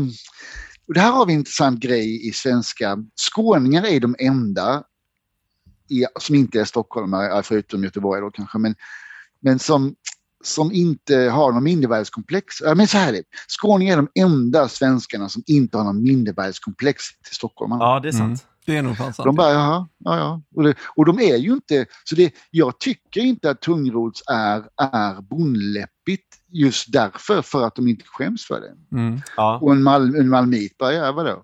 Mm. Ja, ja, ja, dra till Köpenhamn. Ja, precis. Ja. Över bron va? Men det Ja. kanske har just. Stockholmarna. så? Men Medans, medans göteborgare, bara ni håller ju alltid på att bara ska jämföra. Och, Ja, ja, medan alla sant. andra, vi bara tycker att vi är, vi är bondläppar. Liksom. Ja. Jag är ju Så dalkarl. Så Så tungrots, tungrots-ärret är inte bara bondläpperi utan också skånska som är liksom någonting eget. ja, verkligen. jag, jag är ju dalkarl där, så jag måste ju inflika det och, och säga att eh, stockholmarna gör sin grej på, med, med vårt liksom, godkännande snarare. Ja. Vi har ju en lång tradition av att gå ner och spöa Stockholm när, de- när de har ballat ur fullständigt. Så att, eh, därifrån kommer min eh, liberalism. Ja, Ja. jag har faktiskt försökt att lära mig sådana R. R. Det går inte. Alltså, Ja, det är du- svårt, du, alltså. hör ju, det, det, man låter ju liksom mongolid liksom. men då vill jag, nu är vi inne på känsliga frågor så ska jag eh, förklara en sak Ja. eh, som är, eller lite tönt, men det är så här att i tungspets är Sverige Ja. är det ganska många barn som får gå till en talpedagog för att lära sig säga R, för de säger istället R. Ja. Mm, sant. Och ibland när jag hör sådana så undrar jag, är det där talfels-R eller är det från Sydsverige? Mm. Ja. Nere hos oss finns det ingen som säger R istället för R. Mm. Ja. För att det är helt enkelt mycket lättare att säga R än R. Mm. ja, kanske. Det är ingen som får gå till talpedagogen i Blekinge för att de säger R. Nej, precis det är det jag menar. det är väldigt roligt. ja. Det är ju också lite så här. Nu hamnar vi helt, eh, vi skulle ju prata om din bok ju. ja just det. Ja, Förlåt, fortsätt. just det. Nej, men eh, det, den, det roliga är att det, eh, nej, men, så, jag, jag ville då liksom göra, berätta och, och, och, säga att man, har, man, man kan liksom älska det här landet. Maten, kulturen, litteraturen, vinet, eh, det vackra, det sköna. Det är ju väldigt... eh, Saker har ju en annan kvalitet. Här är det, vi är, vi är barbarer i förhållande till dem. Mm. Det är bara så. Håller helt med. Ehm, liksom, ehm, ta bara kvaliteten på en baguette. Liksom, så här, som är, det är bara, god- allt är bara godare. Ja. Vackrare. Eh, men, eh, och sen så, så, jag, liksom, jag säger så här liksom att jag, jag tar mig rätten att, eh, att skälla på dem för att jag är en i familjen. Liksom. Så jag Mm. säger så här liksom att ni får ta det här, allt det här är skrivet mot en bakgrund av djup eh, beundran. Liksom. Mm. Ja. Men sen är jag ju ganska hård i boken. Jag säger ju till att de är liksom... Ja, ni får börja tvätta er och lära er engelska och internet och sluta lipa liksom. Nej men... Eh, eh, och eh, jag har massa olika kapitel som handlar om eh, det, var- varför de, det här patetiska de har som ska tävla med USA. Jag menar, ni är inte ens piss i Mississippi jämfört med USA. Sluta lipa. Franskan är inte en utmanare till engelskan som världsspråk. Ge upp den bollen. Liksom. Det är bara så. Ehm, sluta älska staten. Ehm, eh, bejaka strukturomvandling. Ni har ett stolt liberalt arv. Jag går igenom, liksom, jag har ett kapitel som handlar om det, det glömda arvet. Där liksom de, alltså, allting från Voltaire till, till eh. Benjamin Constant, Madame de Stael, eh, eh, Bastiat, Montesquieu, eh, Montesquieu eh, han som skrev Democracy in America, vet han igen. Eh, eh, Ja, glömt bort. Ehm, alltså, men det har, liksom, det, det har de släppt sen. Liksom. Ehm, och jag, för de har ju då liksom en, den här äh, extrema centralismen. Som, och liksom, den kommer ju av liksom, ur, ur bonapartismen och sånt. Va? Ehm, Ja, det där är konstigt. De borde ju snarare bejaka den kopplingen till USA som de faktiskt har ganska starkt om man ska, om man ska se det. Alltså, Ja. den amerikanska... Jo, men jag, jag, jag skriver det om säkert Mm. att Frank, USA blev till tack vare Frankrike. Precis. Ja. Jefferson tror jag Ja. det står väl för fan staty mitt i Paris. Ja, alltså, Eh, ja precis. Frihetsgudinnan är ju, var ju en Ja, ja. skänkgåva. Jefferson står, står ju en frihetsgudinna också i Paris. Jag har ett kapitel som heter, kapitel med USA heter Frihetsgudinnan står i Paris. Visste du att det finns en Ehm, frihetsgudinna i Göteborg? Lafayette, liksom, eh, La- Lafayette var ju den här eh, generalen som hjälpte till och han åkte ju sen och kom tillbaka och åkte runt i ärrunda. Så det var ju jätten... Alltså, det avtalet som där, liksom, där Storbritannien släppte USA, det heter ju Parisavtalet. Mm. Mm. Alltså, så de har ju liksom med två systerrepubliker som kommer ur revolutioner som är ett resultat av upplysningen och så här. Va? Ja. Mm. Eh, men det finns någon slags töntig rivalitet där fransmännen inte kan acceptera att det anglosaxiska dominerar världen och det tycker jag är lite löjligt. Mm. ja, alltså att, jag menar de kan dominera det på andra håll liksom. Men de När kan det väl vara kommer- originalet liksom? De kan väl, Ja, de kan väl det. anamma det, liksom, Ja. att det, det är tack vare oss då i sådana fall som det är som det är. Alltså Ja. kan de inte stå, Ja. liksom, ja, man tycker det. Ja, Men de är helt besatta av det som kallas för GAFFA då som är Google, Amazon, Facebook och Apple. Och, Ja.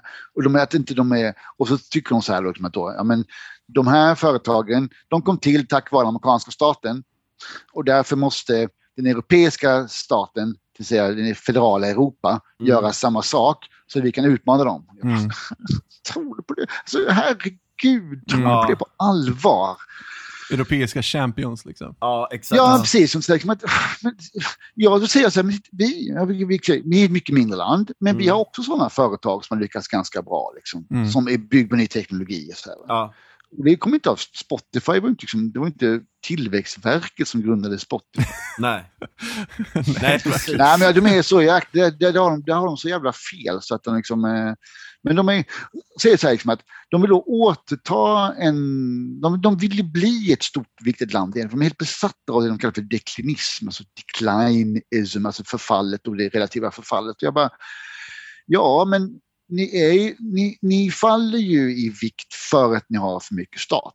Mm. Eftersom ni har för mycket stat har ni ingen dynamik.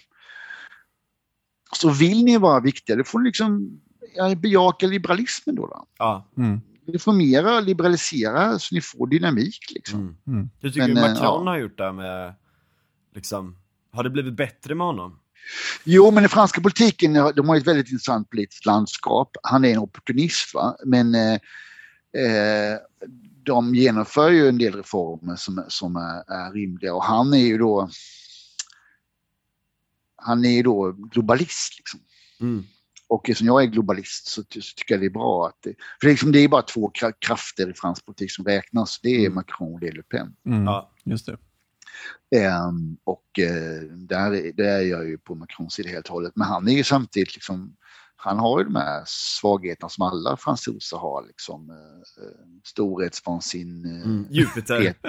Ju- Ja, Jupiterian, ja precis. Ja, precis. Eh, ja, och liksom... ehm, eh, och, och, och också, men han måste också böja sig. Så att han är ju också en etatist. Liksom, eh, men han är ju ändå liksom... Han är rimligast av alla de som finns. Mm. Eh, men han går väldigt mycket åt höger så han närmar sig ju Alltså, I och med att presidentval nästa år är liksom, han måste han närma sig eh, Le Pen för att ta marginalväljarna till höger. Mm. Just det. Nu, Men den franska högern är ju väldigt, den franska vanliga högern, alltså liksom Moderaterna och typ motsvarigheten, de är ju väldigt klämda där för de, de äts ju upp liksom. För att samtidigt har ju Le Pen gått ett mycket åt vänster och det är någonting som har missat svensk politik därför att mm, hon har liksom ändrat uppfattning i vad gäller liksom, pensionssystemet, euron. eh, så här. Hon ska inte längre vara så här galet oansvarig ur ett populistperspektiv. För att hon vill ju då ta fler väljare i det som är den vanliga högern. Så att den hö vanliga högern håller på att ätas upp av, av liksom Le Pen från ena sidan och eh, Macron från andra sidan. just det. Det är väldigt intressant. Ehm, Och det väl, jag, ibland undrar inte jag om Martin Ådahl och Lööf har det här som plan. Liksom, att, eh, Annie Lööf, att, eh, eller vad sa du? Ja, liksom att om, om, om, om Centern är Macron, det finns, ju- det, det finns ju tusen skäl till att man inte ska göra den parallellen, men, man, men man, man, om, man, jag försöker säga att man visualiserar hur det skulle vara om, liksom, om SD och Centern åt upp svensk borgerlighet från varsin, från varsitt håll. Ja, för du tänker att SD blir mer ett vänsterparti, liksom?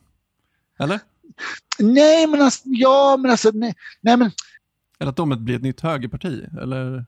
Men SD är ju ett högerparti i, den, i, den, i, krig, i kulturkrigsbemärkelse. Va? Mm. Och, ehm, men jag menar,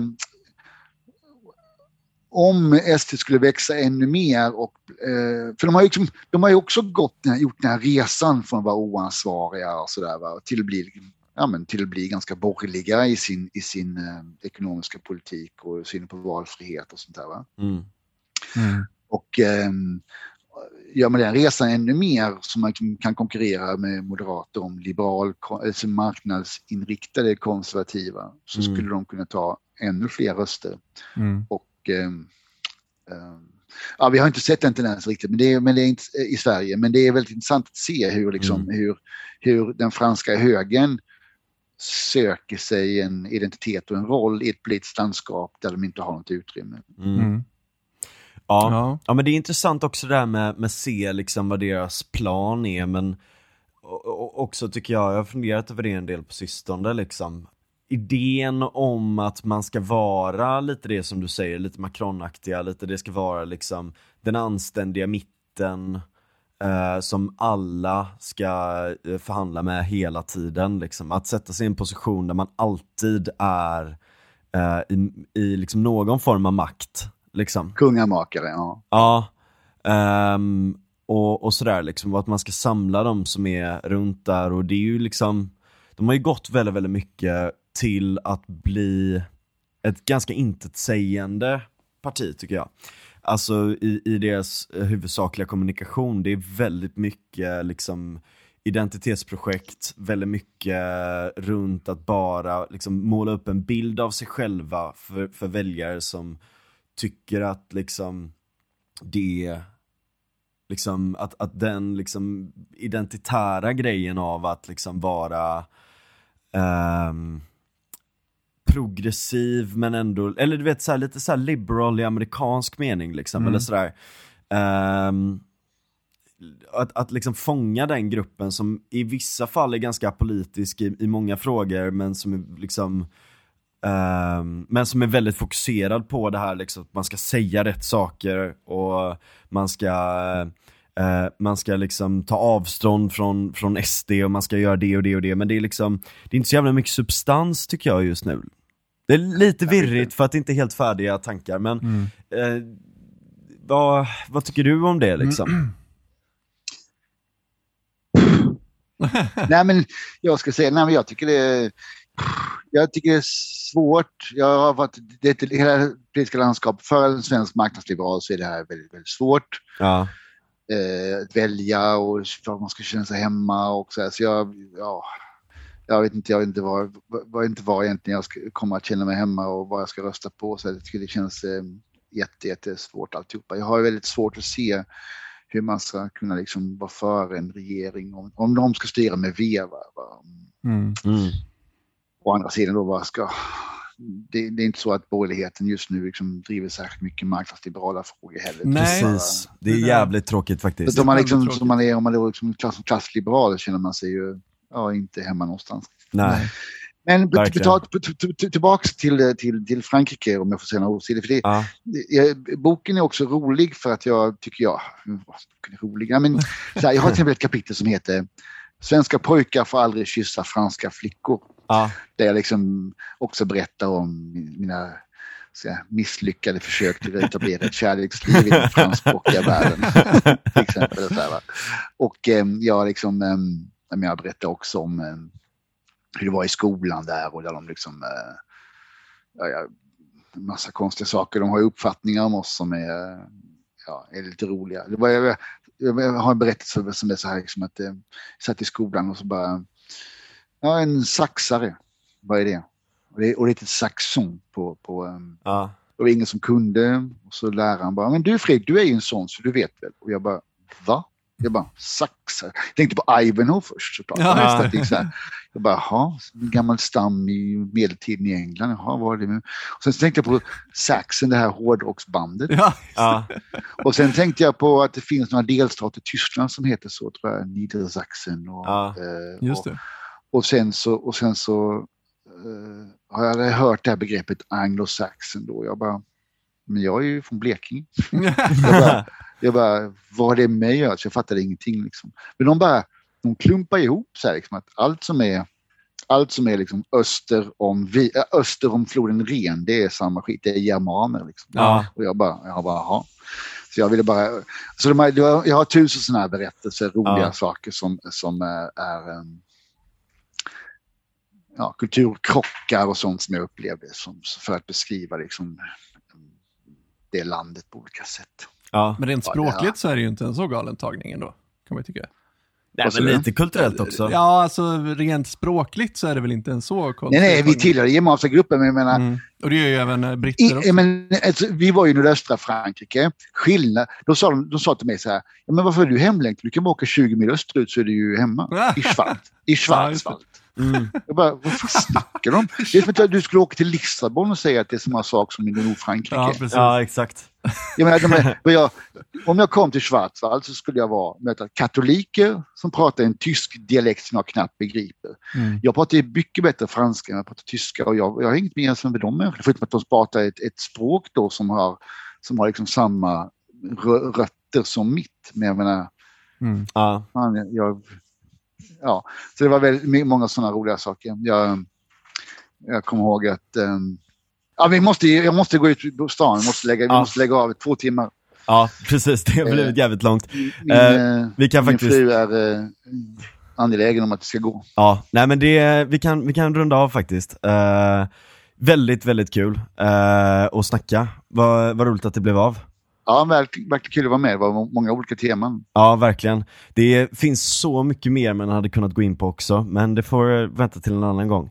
Det hade varit Ja. kul att gå in lite mer i, ehm, i liksom um, svarta mannens börda och kolonialismens historia och sådär. Jag tycker att det är Vi väldigt kan ju ta ett helt fascinerande. avsnitt om det en gång. Det Skulle kul. vi verkligen kunna göra alltså. Ja. Eh, men tills dess, au Ha det revoir. Tja, tja. Vi hörs. Hej då. Tja, tja.